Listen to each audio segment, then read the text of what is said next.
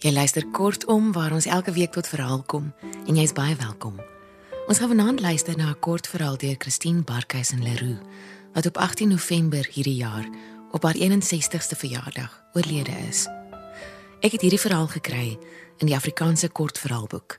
Dit is saamgestel deur Abraham Hade Vries en uitgegee deur Iman en Resou. Dit is getiteld Om te bære.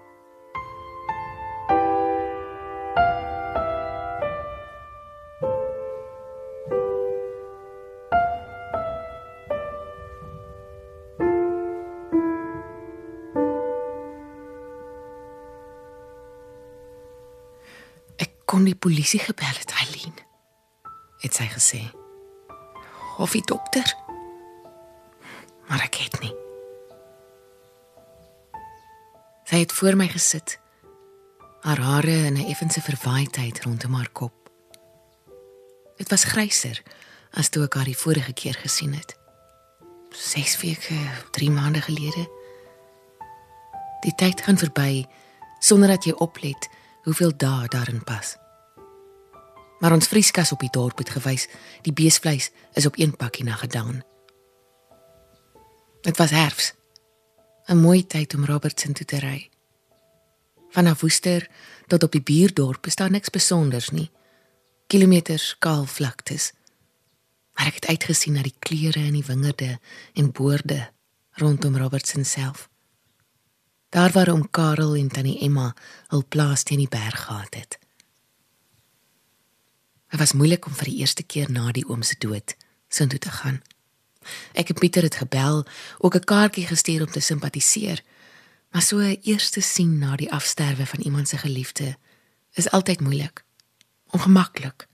En 'n mens weet nooit wat om te sê of waarom stil te bly nie. Ek het tussen die blokke met wingerd gery na die huis. Shiraz en Merlot, so die oom vertel. Die blare was rooi, maar deursigtig soos die son daardeur geskyn het. 'n Mens kon die somer nog voel. Dis nie dat ek en tannie Emma mekaar so goed geken het nie. Maar sy was ook 'n tweede vrou, soos ek. En op 'n manier het ons 'n aanklank by mekaar gehad wat verby die twee maandelikse vleisbestelling gestrek het. Mettertyd, hoewel ek aan die begin jammer was dat Pieter nie wou saamry nie, het ek na die stil alleen kuiertjies om die koffiekoppies begin uitsien. Maar dit wat ek van haar geleer het, sonder dat sy dit ooit besef het. Bo regs, maar ver genoeg van die huis af sodat die stalvlee nie te erg om die huis moes wees nie, was die melkery. En verderop, daar waar ek nie uit die motor kon sien nie, het van die kruisrasbeeste geloop. Jerseys met Hereford of Aberdeen Angus bloed. Om Karel se bydra tot 'n eie bestaan vir Tannie Emma. Met sy eerste huwelik was hy die plaas nog aan die ontwikkel. En sy eerste vrou, Anna, so het ek maar gehoor die mense sê, kon dit op 'n dag nie langer uithou nie. Die lang ure dat sy haar man nie gesien het nie. Die feit dat die plaas in niemand se behoeftes kon of wou voorsien, behalwe net die plaas in self nie. Die kunsmis, die spuitstowwe, die rip van die grond, die nuwe trekker, die geld vir die bou van nog 'n dam. Tot sy geloop het. Kinders was daar nie en dit was eintlik nie 'n gekompliseerde besigheid nie. 'n Skikking buite die hof met oom Karel wat alles behou het. Hy en Anna was nie binne 'n gemeenskap van goedere getroud nie. Dit was goed 15 jaar voor oom Karel herstel het, het die mense gesê. Sy Anna was toe lankal weer getroud met 'n man van die Weskus wat 'n hele klompie skuite gehad het wat vir hom uitgaan. 15 jaar waarin oom Karel bedags steeds self op die trekker gesit het. By was met die plant van elke nuwe wingerdstok, elke perskeboom. Jare waarin hy sy woede en sy trots in die grond ingeploeg het, dit fyn geëg het totdat daar rus in hom gekom het. En hy die kuiergas van sy buurvrou raak gesien het. Sy was anders as Anna, het die bure vertel. Nie so mooi nie en nie so eksie perfeksie nie. Sy was 'n jaar ouer as hom Karel en haar linkervoet het effens gesleep vanweë die polio wat sy as kind gehad het. Toe ek voor die deur stelou, die agterdeur, soos wat ek gewoond geraak het, kom sy oor die sementblokke na my toe aan. "Gaan so lank in, kind," sê sy. Ek sluit net gou die vleiskamer. Ek staan in die kombuis, my voete koud op die teelvloer. Onseker van hoe ek moet maak wanneer sy terugkom. Wat om te sê? Begrafnis is een ding, maar daarna Na rukkie kom die hak en tak voetstappe oor die sement. Die klank van haar effense sleepstap. Dan stoot sy die gasdeur met die goeie voet oop. In haar hande is die twee groot pakke vleis wat ons bestel het. Opgesaagde nek vir die winterpreries teen die koue wat voorlê en twee filette. Sy sit dit op die lang werksblad langs die wasbak neer. Haar hande is pink van die koue. Tannie Emma ek 3, 4 sekondes gaan verby waarin ek die stilte hoor. My woorde wat nie wil kom nie. Sy vat my aan die arm en ek voel die koue deur my mou. Ek weet. Toe maar. Jy hoef niks te sê nie. En ek het jou briefie gekry, Eileen. Baie dankie. Sy draai na die kraan toe. Tap die ketel vol water. Draai na my toe met 'n warmte en innigheid wat ek nie in hierdie stadium verwag het nie. Jy gaan seker daar 'n koffie drink of hoe? Die rand van die koppie wat sy oor die tafel na my toe skuif, het 'n barsie. Dis daarop dat my oë gefikseer bly terwyl sy praat. Vertel van toe sy 6:00 daardie middag by die huis ingekom het. In die kraak tussen twee stukke porselein hoor ek ook wat sy nie vertel nie van hoe om Lia te wees. Nie Rachel nie. Tweede keuse. Van probeer om te vergoed, probeer om dit te gee wat sy met haar hele menswees voel. Oom Karel het sy Anna nooit vergeet nie. Dis wat die mense ook gesê het. Anna met die swart hare en die lewendige geaardheid.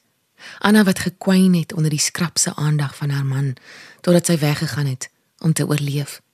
Anna wat hom geleer het om te sien, 'n vrou is nie maar net 'n stoel of 'n emmer in jou huis nie. Of was dit dan ook te laat vir hulle twee?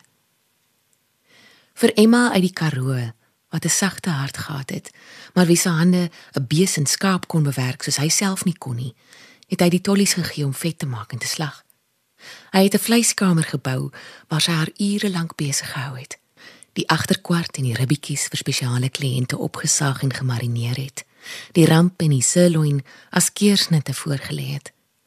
Daar het hy haar kom haal wanneer hy na 'n lang dag by die huis kom. Omdat hy verlang het na die oë van 'n vrou, na haar sagte hande en haar stem. Na iemand wat hom weer kon laat voel soos die man wat hy eens was. Hulle het baie gesels, het aan die Emma gesê. Lang aande so onder die veranda. Hy oor die geskatte druiwe oes, oor die donsige skimmel wat deur die reën en die warmte veroorsaak is. Sy oor hoeveel kilogram die skaap uitgeslag het en die groot bestelling wat die munisipaliteit vir hulle jaarlikse funksie geplaas het. Wanneer dit winter word, het hy haar voet wat pyn van die koue tussen sy hande gevryf. Het Emma die laaste kwartjie van die koffie uit haar koppie gedrink, alles in een slag, voor sy weer hortend gepraat het. Anders as toe sy vertel het van haar en hom Karel se saamweestye. Die aand, asof ek toe by die deur inkom, dit gevoel het. Haar stem is anderkant hartseer, ergens in 'n sfeer waar ek nie kan bykom nie. Ek het die emalje kom met maalvleis neergesit en 'n doek oorgegooi. Dit was mos somer in die vleet gemaal. Hy het terug van tevore by die vleiskamer ingeloer, gesê hy gaan so lank van sy boekwerk doen. Die volgende dag was Vrydag, uitbetaaldag. Maar hy was nie in sy studeerkamer nie. Dit was so stil ek kon die dreuning van die vleiskamer se motor buite hoor. Ek het kamer toe geloop. Hy het op die bed gelê met sy rug na die deur toe en sy arms na binne gevou. Ek het geweet hy is dood, Eileen. Sonder om nader te gaan, het ek geweet. Sy vryf die pink hande om 'n bietjie hitte in hulle te kry. Vou hulle om die leë, lou koffiekoppie. Oor die tafelblad kyk sy na my Hou my oë sodat ek nie anders kan as om haar werklik raak te moet sien nie, te hoor wat sy sê nie. En weet jy wat het ek toe gedoen, my kind? Teen die ruit is 'n by wat dringend zoemend plek soek om uit te kom. Haar stem raak sagter sodat ek mooi moet luister om raak te hoor dit wat sy sê tussen die woorde. Dat hy toe hare was meer as ooit. Ek kon gebel het die dokter, die polisie maar wat sou dit help by Linkie? Ek het na die bed toe geloop die deken opgelig en styf agter hom ingekruip sodat ek sy rug teen my kon voel. Toe het ek my arm om sy lyf gesit en 'n lang tyd so gelê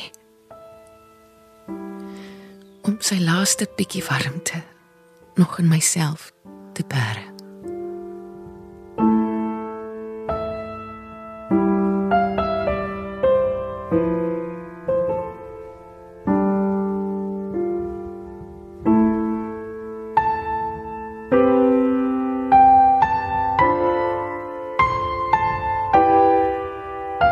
Dit was dan die verhaal om te bære deur Christine Barkhuizen Leroux wat soveel mooi stories en karakters nagelaat het. 'n Mooi aand vir jou. Tot volgende keer.